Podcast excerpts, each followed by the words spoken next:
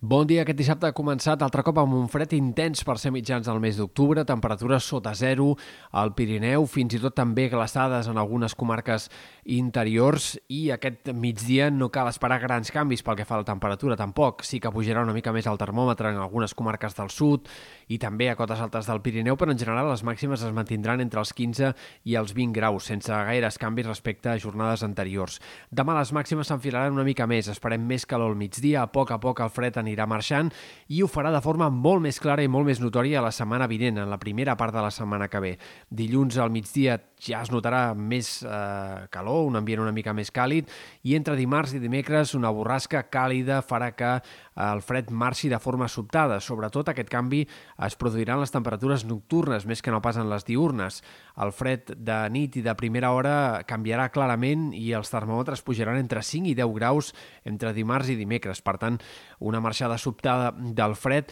que a llarg termini sembla que no trigarà però a tornar. Els mapes del temps avui semblen eh, anar bastant d'acord en el fet que a partir de divendres i al cap de setmana potser no farà tant de fred com aquests últims dies, però sí que tornarem a temperatures bastant normals per ser eh, la tardor i per ser mitjans del mes d'octubre. Pel que fa a l'estat del cel, aquest cap de setmana serà molt tranquil, amb alguns núvols prims, tant avui com demà en comarques especialment de l'oest i del sud, però el sol predominarà, algunes boirines a primera hora, poca cosa, temps estable, tranquil, a més a més amb poc vent, afluixarà